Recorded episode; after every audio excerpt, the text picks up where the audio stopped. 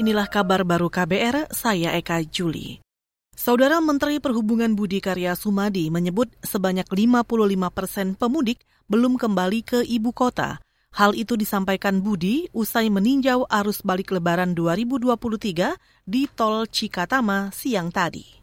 Walaupun tahu saya tahu tahu bahwa masih ada 55 persen yang belum kembali ke Jakarta. Tapi nanti angkanya silakan Pak uh, Dirut uh, Jasa Marga untuk menjawab. Itu tadi Menteri Perhubungan Budi Karya Sumadi.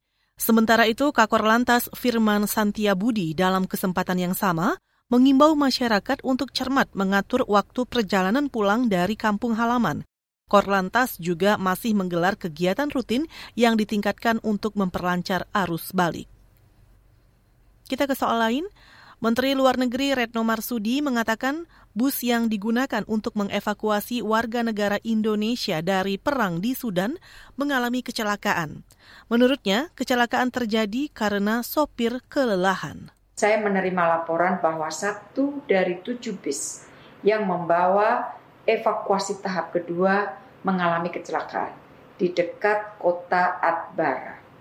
Kecelakaan tunggal ini terjadi karena kondisi jalan rusak berat dan pengemudi mengalami kelelahan, sehingga membuat bus terperosok keluar jalur. Menteri Luar Negeri Retno Marsudi juga menambahkan kecelakaan itu membuat tiga WNI mengalami luka-luka dan telah dibawa ke rumah sakit di kota Port Sudan dengan ambulan. Kini korban dirawat dan ditangani di rumah sakit.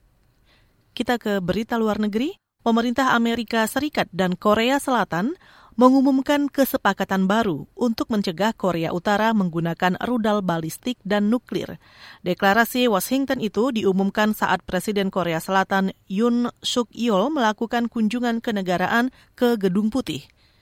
Deklarasi menyebut kedua negara berkomitmen memberikan perdamaian dan stabilitas di Indo-Pasifik termasuk langkah berlabuhnya kembali kapal selam bersenjata nuklir Amerika di Korea Selatan untuk pertama kalinya sejak 40 tahun.